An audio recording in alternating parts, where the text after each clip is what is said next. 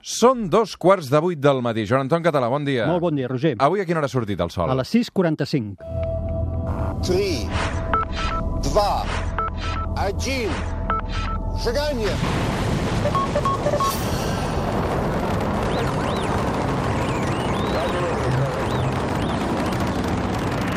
One small step for man, leap for. Joan Anton, tot bé? Tot perfecte, Roger. A l'hora que surt el sol, o una mica més tard, perquè això cada dia surt més, a- més d'hora, sí. amb el Joan Anton Català parlem de ciència, parlem d'astronomia, el Joan Anton ja el coneixeu, 100 qüestions sobre l'univers eh, és un dels seus llibres, en té més, en aquest cas, eh, guia d'observació del cel per nois i noies, eh, però és que a més a més el Joan Anton és astrònom, és astrofísic, és químic quàntic, un dia parlarem de la quàntica, perquè això em té fascinat, perquè no, No, no entenc res. Aquest serà un programa xulo. No eh? entenc res. Sé que el CCCB eh, fa uns dies que estan tramant una exposició que és molt interessant. Per tant, un dia podem fer, si et sembla, capítol dedicat a la quàntica, només en plan um, resoldre dubtes. Perfecte. Perquè, perquè això és molt complicat. Molt a veure, anem a l'actualitat. Notícies que hem llegit aquesta setmana. N'hi ha una que sona així. A veure, això que sona, que sentiu de fons, a veure, pugem una mica. No és una olla que està centrifugant, No. això és un so que no havia passat mai a la vida. Um, no, és un martrèmol? Sí, exacte. Uh, no sabem si havia passat mai a la vida, en qualsevol cas, és la primera vegada que nosaltres l'escoltem. Això és un mar trèmol, és un moviment sísmic a Mart, uh, captat per la sonda InSight, que n'hem parlat moltes vegades al programa, que és aquella sonda que està intentant analitzar l'interior del planeta, que porta sensors, i un dels sensors que porta és un sismògraf. I aquesta és la primera vegada que detectem un moviment sísmic fora de l'entorn Terra-Lluna, per entendre'ns, a Mart, i aquest és el so del mar trèmol. És un mar trèmol eh, feble pel que són els, els moviments sísmics, però és espectacular pel que significa. Mm -hmm. És el moviment de terra d'un món llunyà, a, a centenars de milions de quilòmetres. I això ha estat possible gràcies a la sonda InSight. Eh? A la sonda InSight i els seus sismògrafs feina. absolutes. Mm. És també la sonda que ens va fer escoltar el vent Mhm. de mar. Recordeu que el- va captar també el vent passar aquí al Sí, sí. programa, el vent de mar. Va, bueno, porta instruments de molta precisió. D'un martrèmol a un terratrèmol, que sona així. Today, the same Spirit beckons us to begin new journeys of exploration and discovery, to lift our eyes all the way up to the heavens and once again imagine the possibilities waiting in those big, beautiful stars if we dare to dream. Evidentment, aquest és Donald Trump. Avui amb el Joan Anton Català eh, repassem, de fet, eh, la història eh, astronòmica de, de, de Donald Trump, els seus projectes, eh, les seves propostes en l'àmbit de, de l'astronomia. Um, és un nom que, evidentment, uh, destaca per sobre dels altres en la lluita pel cel, mm Mhm. uh, per governar el cel. Uh, Donald Trump no en té prou amb els Estats Units, sinó que, a més a més, també vol ser líder uh, al cel. I el que hem fet és, d'alguns dels discursos que ha fet el Donald Trump, els has anat desgranant, els has estudiat, i has dit, d'acord, aquí proposa això, aquí Sí. proposa allò. Això és factible, això no és factible. Aquí això, la crossa aquesta, uh, és impossible. Aquí deia, avui el mateix esperit de l'Apolo 11 ens crida a començar nous viatges d'exploració i de descobriment, ens crida a alçar la vista al cel i tornar a imaginar les possibilitats que ens esperen en les precioses estrelles si ens atrevim a somiar. L'exploració de l'espai eh, ha estat un punt important de l'agenda de Donald Trump. Per què, Joan Anton? Sí, a veure, tu deies, en aquest programa repassarem coses que ha dit el Trump. Jo penso que en aquest programa, fent una mica d'espoiler, repassarem el Trump. És un altre, un altre significat de la bona repassar. Eh, tot, sempre, qualsevol president americà, el tema espai els ha posat interessants, no? Els ha generat una, una, una atracció perquè poden fer discursos molt fàcils. I el Trump, que ja avanço que no en té ni idea ni de tecnologia ni de ciència, aquest és un tema que el té perfecte per generar frases com les que acabem de veure ara, que són molt inspiradores, però que en veritat, com anirem veient, de contingut tècnico-científic al darrere, ben poc. Molt bé. Ell es va marcar la primavera del 2017, això ho recordem perquè ho hem explicat, va anunciar el seu principal objectiu que eh, consisteix en un objectiu passat, que és tornar l'home a la Lluna, l'home no, l'americà, a la Ah, Lluna. exacte. Um, també ha de deixar clar, però, que l'objectiu a curt termini més que llarg és trepitjar Mar. Però abans de tot això diu, vull tornar a posar un americà a la Lluna. Per què aquesta obsessió? Val, jo, mira, si em permets, eh, abans de la Lluna, perquè veiem la personalitat d'aquest home i del que està intentant fer. A pocs mesos després de ser anomenat president, ell va ser ratificat president el gener del 2017, doncs a la primavera, crec que va ser a l'abril del 2017, ell té una videoconferència des del despatx oval de la Casa Blanca, té una videoconferència amb una astronauta americana que està a l'Estació Espacial Internacional, que l'ha de felicitar per haver, crec, eh, va batre el rècord de permanència d'una senyora a l'espai. I quan estaven preparant aquella videoconferència, hi havia periodistes que són els que van donar fe d'això, eh, hi havia el director de la NASA en aquell moment i ell li pregunta al director de la NASA, escolta'm, quan arribarem a Mart? I el director de la NASA diu, home, mm, ara, per ara no podem anar a Mart. Hem d'anar a Mart abans que acabi el meu mandat. O sigui, això és el que ell vol. Ell volia que en quatre anys, perquè vull que acabi el meu mandat, dient que hem anat a Mart. Mm. Clar, l'administrador li diu, escolti'm, és impossible, això. Llavors té la videoconferència i Sí. quan té la videoconferència parlant amb l'astronauta americana li fa la mateixa pregunta, saltant-se tota la jerarquia. Sí. Li diu, escolta, tu quan penses que podrem anar a Mart? I l'astronauta diu, home, jo penso que ara per ara no. I diu, doncs ja cal que us poseu les piles perquè hi hem d'anar al final del meu primer mandat i llavors posa, o al final del meu segon mandat. Ell ja veu que la cosa l'ha d'anar... Després fa fora a l'administració de la NASA. El destitueix perquè Clar. li diu que és impossible arribar a Mart durant això- el seu mandat. Entre altres coses. Jo m'imagino que hi ha d'haver altres coses, però dir, aquest no és el meu de home. destitucions eh, em porta un llarg currículum. Sí, exacte. Algunes són destitucions, altres són abandons, diríem. Doncs abandonaments. Llavors, i em posa un altre que, com ara veurem, doncs, li riu totes les gràcies Mhm. i suposo que el convencen de que efectivament Mart està fora de l'abast de fer-ho en pocs anys. I llavors és quan ell es converteix una altra vegada a la Lluna. Diu, vale, doncs si no pot ser Mart, serà la Lluna. I a més serà la Lluna molt a curt termini perquè es vol penjar la medalla. Però quina medalla és tornar a trepitjar la Lluna per Ah, un americà? És bastant temerària, com ara veuràs, perquè hi ha un component eh, de domini de l'espai, de- d'orgull nacional, però sobretot també d'explotació comercial. I per què no també un tema militar, de defensa, al darrere de tot això. Per tant, sí que com a, com a president, amb ell se li suposa això un, una fita important de tornar-hi a anar. No és, no és, ah, val, mira, tornem a anar i podem anar dem- demà. No, ara veuràs que hi ha unes dificultats grosses per tornar-hi a anar i uns interessos al darrere. Més capítols. Directive I'm signing today will refocus America's space program on human exploration and discovery. This time, we will not only plant our flag and leave our footprint, we will establish a foundation for an eventual mission to Mars and perhaps someday to many worlds beyond. Tot això passava al desembre del 2017. Aquí diu Donald Trump, la directiva que signo avui centrarà el programa espacial americà en l'exploració i el descobriment humà de la Lluna. Aquesta vegada no només clavarem la nostra bandera i deixarem la nostra empremta, sinó que establirem una base per la nostra missió a Mart i potser algun dia a altres mons de més enllà.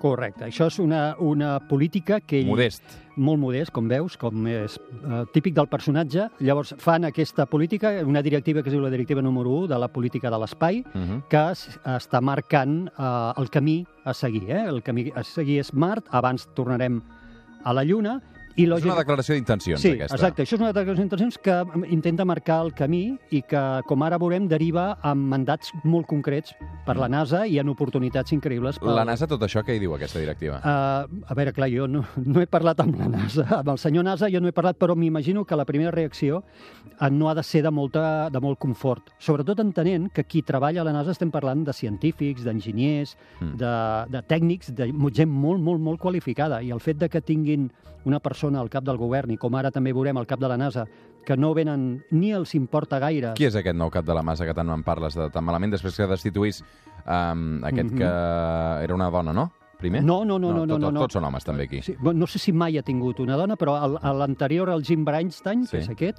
era, era un senyor també. Molt bé. I el, el nou que riu El les Jim gràcies... Breinstein arriba, eh, el nomena ell, és una persona que és polític, no en tinc res en contra, però en tot cas no és ni científic, ni és enginyer, ni és tècnic, no té cap mena de formació tècnica, és un home que ve del món de l'empresa i és polític, i és persona, òbviament, de, de tota confiança, que s'escolleix, si no recordo malament, per un únic vot de, de diferència eh, en el Senat. Per tant, és un, un, una persona, un personatge molt controvertit, de, de que no és acceptat o no és vist, i és, fixa-t'hi, la primera vegada a la història de la NASA que tenen un administrador general, és a dir, que tenen un director, que no ve del món científic ni tècnic. És el primer cop que això passa.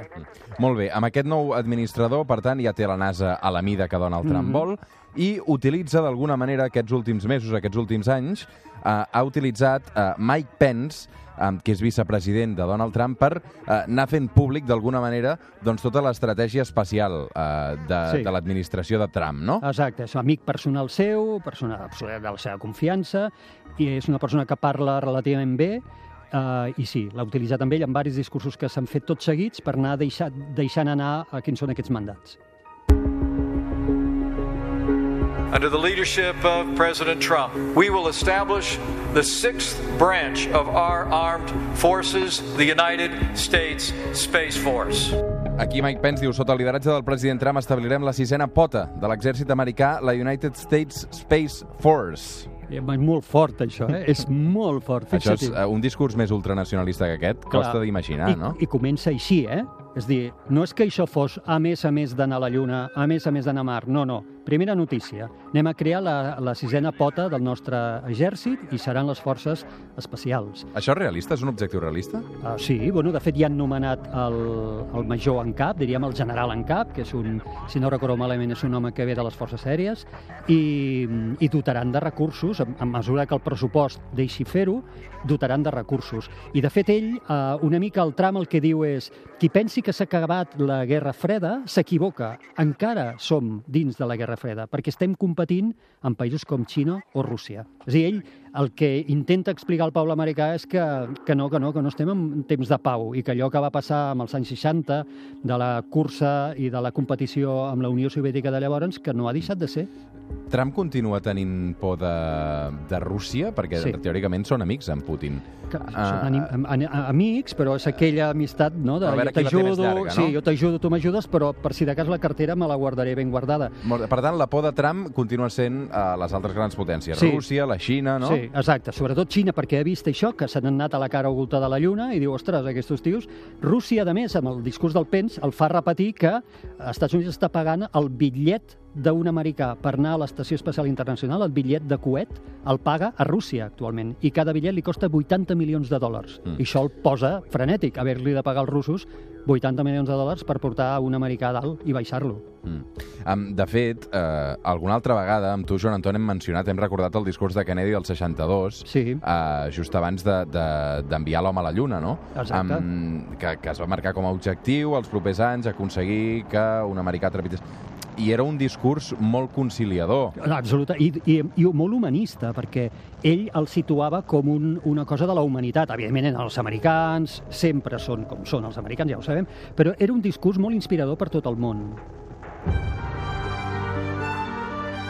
We set sail on this new sea because there is new knowledge to be gained and new rights to be won, and they must be won and used for the progress of all people. We choose to go to the moon in this decade and do the other things, not because they are easy, but because they are hard. Ens endinsem en aquesta nova travessia perquè hi ha noves coses per aprendre i nous drets que hem de guanyar i s'han d'aprendre i guanyar pel progrés i el benestar de tots. Triem anar a la Lluna no perquè és fàcil, sinó perquè és difícil. Això és el que deia Kennedy amb un to totalment diferent amb el Clar. que utilitzen aquests discursos doncs, Donald Trump o, o Mike Pence. Fixa't, en benefici de tots. Ell, el Kennedy sí que realment va ser una figura de lideratge a nivell mundial que, evidentment, eren americans, tot el que vulguem, sí, eh? I competien amb la Unió Soviètica, efectivament, però el seu discurs era molt diferent al del Trump. Però Pence, en canvi, en aquest discurs que, que va fer explicant el desplegament, eh, sí que fa referència, compara Trump amb Kennedy. Tu, No? eh, completament i constantment, i això és una de les coses que a mi realment més m'ha sorprès. I perquè eh, diu coses com... I en aquell moment vam tenir un gran líder, que és el que ens va permetre arribar a la Lluna. Avui tornem a tenir un líder d'aquella mida, no? d'aquella dimensió, que ens permetrà tornar a la Lluna i anar a Mart. I em fa referència diverses vegades sobre Kennedy. És una, és una comparació que és que, és que no s'aguanta per enlloc. És a dir, tu compares les dues figures a nivell de tot, polític, tot... És que no, i ell, suposo que l'obsessió seva és aquesta. Ell vol passar la història com el Kennedy de, de començaments del segle XXI. Joan Anton, tu creus que el, que el Kennedy segurament és el president que més bon record tenen els americans pel que fa a la lluita eh, o al progrés espacial? Sens dubte. Jo penso sens dubte també per això, perquè va ser una persona inspiradora que, a més, va fer els seus eh, discursos, el del 61 i el del 62, en un moment en què els Estats Units estava perdent totalment la cursa, i això hem parlat diverses vegades, contra els soviètics. I ell va ser capaç de a- aunar tota la indústria, evidentment posar-hi pasta, eh? però crear un, un objectiu comú que el va comprar tothom. I que després, quan l'home realment va arribar a la Lluna, jo recordo haver-lo vist, jo tinc una certa edat, haver-lo vist per la tele, ens ho vam fer nostres tots. És a dir, en aquell moment no hi havia tant un sentiment de els americans, era hem arribat a la Lluna. Va, més Mike Pence, vicepresident de Donald Trump.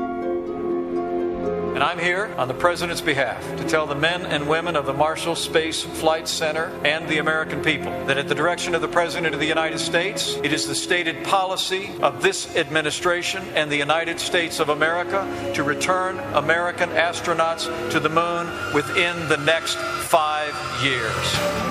D'aquí cinc anys hem de tornar els astronautes a la Lluna. Cinc anys són prou? Mm, Són molt poc, molt poc. És el que et deia jo abans, que suposo que els tècnics científics de la NASA han estat tremolant. Deuen dir, perquè, clar, si això t'ho diu un Kennedy, una figura de lideratge, dius, vinga, a, a per totes, no? Amb aquest tio, a per totes. Però, clar, t'ho està dient el Trump. Que tu saps, no saps si d'aquí un any encara hi serà. Clar, Que i- no saps si li han de fer un impeachment, eh, que no saps si tornarà a guanyar les eleccions. Exacte, i no sap si realment aquest tema li importa o li és absolutament igual que està buscant és un rèdit polític. Llavors, clar, dius, eh, quin esforç haurem de fer, no? A més, hi ha una altra cosa xula del discurs que li fa dir al Pence és no hi haurà problema de diners, no és problema de diners. I, en canvi, quan mires el pressupost de la NASA, els hi redueix el pressupost de la NASA i dius, hòstia, a veure, com, com juga això? És dir, clar, ell no té les claus dels diners. Ell ha de passar pel Congrés i pel Senat perquè li aprovin i ell diu, no és problema de diners, a per totes. Entre parèntesis, perquè vull que això passi mentre jo mani. L'objectiu de Trump no és eh, només trepitjar la Lluna de nou, sinó anar a un lloc molt concret de la Lluna. A més els hi diu, eh? eh perquè és així, com que en saben tant, llavors els hi diuen a on han d'anar. I els hi diu, en cinc anys hi hem d'anar al pol sud de la Lluna, perquè allà és on hi ha recursos com aigua, allà és on hem eh, descobert que hi ha aigua gelada amb alguns cràters molt profuns de la Lluna, on no hi arriba a tocar mai el Sol, i per tant es converteix com en un lloc estratègic perquè qui controli o qui pugui explotar aquesta aigua té un avantatge claríssima per poder-hi posar, per exemple, una base. Eh? Recordem que l'aigua és de les eh, coses, de les substàncies més difícils de transportar perquè al final no la pots, no la pots comprimir, és una cosa molt cara. Per tant, on hi hagi bases, a Mart, haurà de ser llocs on es pugui extraure aigua. I quan Trump o Pence parlen d'energia nuclear, tu què penses? Clar, fixa-t'hi, eh, a mi em preocupa molt. Per què han de dir en el discurs una i una altra vegada que l'explotació del pol sud de la Lluna, de l'aigua, la volen fer en energia nuclear? Quina importància té això dintre del discurs? Es podrien quedar simplement dient "I volem anar al pol sud per explotar l'aigua. Però ells s'hi posen, i una vegada i una altra, i ho farem en energia nuclear. Per tant, l'única explicació que li trobo, i evidentment jo no quedo molt lluny dels temes polítics, eh? però l'única explicació que li trobo són els interessos comercials que ja deu haver pactat amb indústries eh, empreses per, que utili per utilitzar energia nuclear per fer aquestes explotacions. The evidence is clear. While the government can blaze new trails into exploring the outer expanse of space, like all frontiers, ultimately, that'll be settled by the dreams of our people, by the brilliance of our innovators, the energy of entrepreneurs, and the daring of our explorers Les together. proves són evidents, tot i que el govern pot arribar a explorar la frontera de l'espai com totes les altres fronteres, al final ho aconseguirem gràcies als somnis de la nostra gent, la intel·ligència dels nostres innovadors i l'energia dels nostres emprenedors. Mike Pence, vicepresident dels Estats Units. Molt bé, aquí ja veiem aquest esbiaix cap a l'empresa privada, diguem cap al sector privat. Uh, no només és això que acabem de sentir aquí, els discursos contenen frases com i si no ho pot fer l'administració, farem que ho faci el sector privat, no? Uh, eh, diu que, per exemple, vol obrir l'òrbita baixa de la Terra per explotació comercial. Um, clar, jo, jo no sé, aquí hi ha un tema de, de lleis, hi ha un tema d'espai espacial, abans era espai aeri, que s'haurà de veure, no? Ells volen directament, ell vol directament obrir l'explotació de l'espai a empreses privades. Quan diu empreses privades vol dir, per exemple, personatges com Elon Musk? Sí, per exemple, l'Elon Musk és, serà, és un dels proveïdors que els hi podrà donar eh, coets per tornar a l'espai, perquè actualment recordem que els Estats Units no en tenen de propis. Recordem, no, situem Elon Musk, eh, és el eh, personatge que va aconseguir fins i tot llançar el seu cotxe a l'espai, eh, com també un acte de propaganda de l'empresa que... eh, SpaceX, SpaceX Sí. que és la seva empresa aeroespacial, i va llançar el seu descatapulable Tesla vermell en òrbita a la Terra i després cap a Mart. L'amo de Tesla, eh, Elon Musk. Exacte, exacte. Però no només ell, eh? Aquí hi ha un munt d'indústria, indústries mineres, indústries energètiques, que segurament ja s'estan preparant els grans contractes que si el tram renovés podríem fer.